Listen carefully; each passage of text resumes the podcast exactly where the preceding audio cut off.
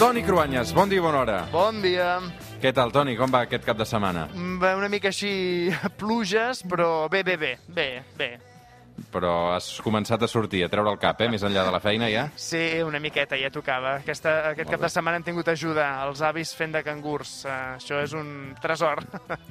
Setmana eh, complicada també informativament parlant. Eh, Maradona, Nadal, Black Friday, eh, evidentment coronavirus. Però avui ens allunyem una mica de tot això, Cruanyes, perquè tens una proposta diferent. Sí, és que, a veure, és difícil ja afegir alguna cosa nova. Són temes que n'hem sentit a parlar molt, però mira, sense que serveixi de precedent, però avui m'agafo les coincidències del calendari per celebrar una efemèride que és, això sí, eh, molt nostrada. Avui, el 29 de novembre, però de fa 150 anys, el 1870, a Castellterçol va néixer el president de la Mancomunitat de Catalunya, redactor de les bases de Manresa, autor de la nacionalitat catalana. Enric Prat de la Riba, avui compliria 150 anys. Diem que faria Prat de la Riba eh, 150 anys perquè va morir ja fa molt, molt, molt de temps, eh? Sí, ara mateix m'estic imaginant el Prat de la Riba i tots aquests de les bases de Manresa amb aquells bigotis i aquelles ulleres cantant el per molts anys del, del Super 3. Mm. He pensat que això li donaria una mica de to festiu, no?, aquesta història. Necessitem estímuls festius per aquesta història, no? Jo crec que una mica sí. Mira, et confessaré que si avui tinc ganes de parlar d'Enric Prat de la Riba i de la seva obra és justament en contrast a la política catalana d'avui. En els últims anys, sobretot a l'entorn de l'1 d'octubre del 2017, el catalanisme ha tingut protagonistes de valor molt èpic i s'ha apel·lat a grans conceptes com l'autodeterminació, la llibertat, els drets fonamentals. Clar, al costat d'això, Enric Prat de la Riba representa una política possibilista. Una política molt limitada tant pel que fa a les competències com en recursos, no?, de l'Estat. Sí, possibilista, dèiem, però imaginativa i també molt efectiva. La Mancomunitat va fer una feina de formigueta. Avui, si no fos perquè ara això té connotacions negatives, en diríem de peix al cova. O fins i tot des d'un punt de vista de classe social o de gènere, podríem dir que algunes actuacions d'ell i del seu partit, la Lliga Regionalista, són bastant discutibles. Però, a l'engròs, la feinada de la Mancomunitat de Catalunya va ser impressionant. Avui amb el Cruanyes ens situem als anys de la Primera República Espanyola. El partit catalanista amb més pes a Madrid és la Lliga Regionalista, amb Francesc Cambó al capdavant. Per primera vegada a la història espanyola hi havia unes Corts a Madrid que representaven partits polítics i territoris de forma estable, i el catalanisme ho va aprofitar. Des de 1833 a Espanya estava dividida en províncies, per tant no hi havia cap estructura política que agrupés la totalitat de Catalunya, això des de l'època prèvia al 1714. De fet, la renaixença cultural i nacional catalanes es van fer a través de les empreses, de les fàbriques, de les associacions, però no hi havia una institució política gran. Bé, hi havia altres institucions més petites, els ajuntaments, i també les quatre diputacions provincials. Des de 1907, el president de la Diputació de Barcelona era el nostre protagonista d'avui, Enric Prat de la Riba.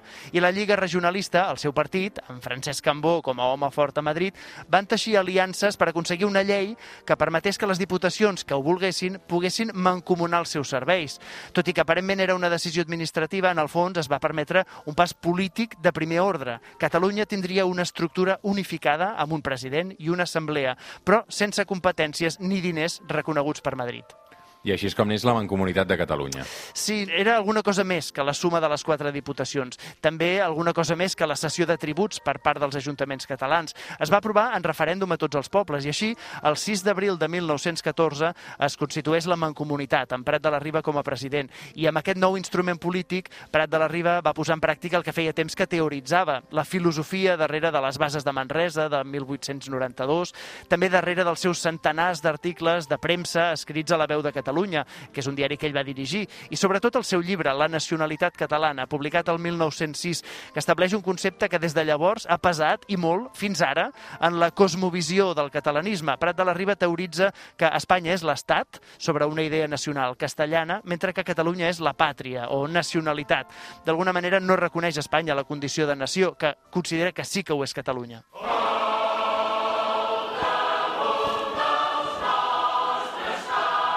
I en aquell moment, Cruanyes just s'acabava de construir el Palau de la Música i també es van posar en marxa altres estructures culturals del país, estructures d'estat, pràcticament. Exacte, avui en diríem estructures d'estat. Són la llengua, la cultura, el benestar, la prosperitat econòmica, tot anava lligat en la filosofia política d'aquell catalanisme, que tant vetllava per una arquitectura nacional, primer el modernisme, després el noucentisme, com també maldava per la difusió d'una llengua finalment normativitzada per Pompeu Fabra i l'Institut d'Estudis Catalans.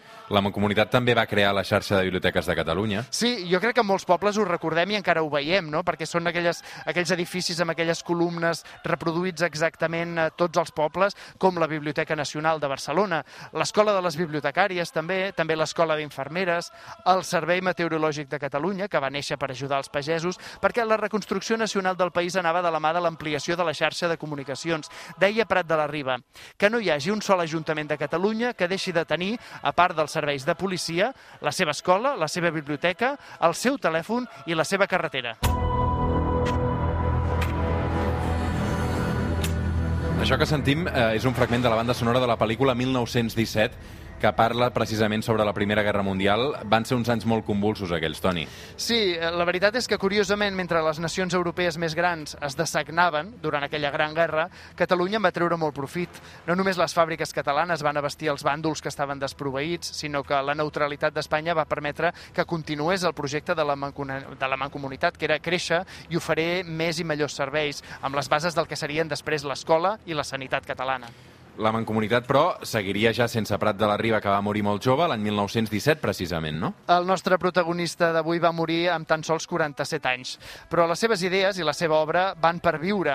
El va substituir al capdavant de la Mancomunitat l'arquitecte Josep Puig i Cadafalc i la consciència nacional catalana també va seguir creixent. De fet, es va arribar a fer un projecte d'Estatut d'Autonomia perquè les autoritats catalanes necessitaven més poder polític per tirar endavant aquells projectes que, com a societat industrial i avançada, no li arribaven dels successius governs de Madrid. Por la calle de Alcalá, con la falda almidonada, y los nardos la cadera. I això no us sorprendrà, a Madrid aquella època ja s'estava coent un malestar creixent pel que consideraven que era un distanciament polític de Catalunya. Sí, i la dictadura de Primo de Rivera, que es va iniciar el setembre del 1923 amb el vistiplau del rei, dels sectors més conservadors de Madrid, però també de part del catalanisme. Doncs Primo de Rivera va acabar destituint Puig i Cadafalc com a president i després eliminant la Mancomunitat.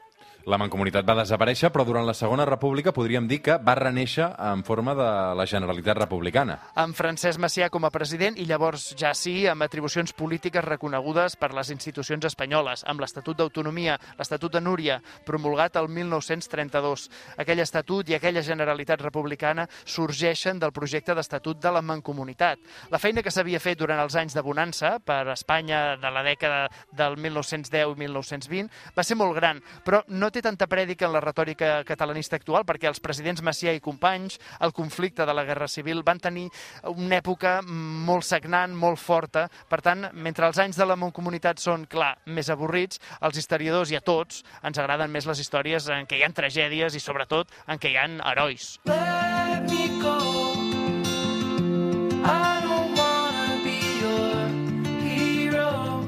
I avui precisament arribarem a les 9 del matí amb una cançó que parla d'herois, Toni. Doncs sí, eh, no ha passat ben bé la història com un heroi, el nostre Prat de la Riba, però en tot cas li devem moltes més coses del que fins ara sabem. Toni Cruanyes, una abraçada ben forta. Bon diumenge. Bon diumenge.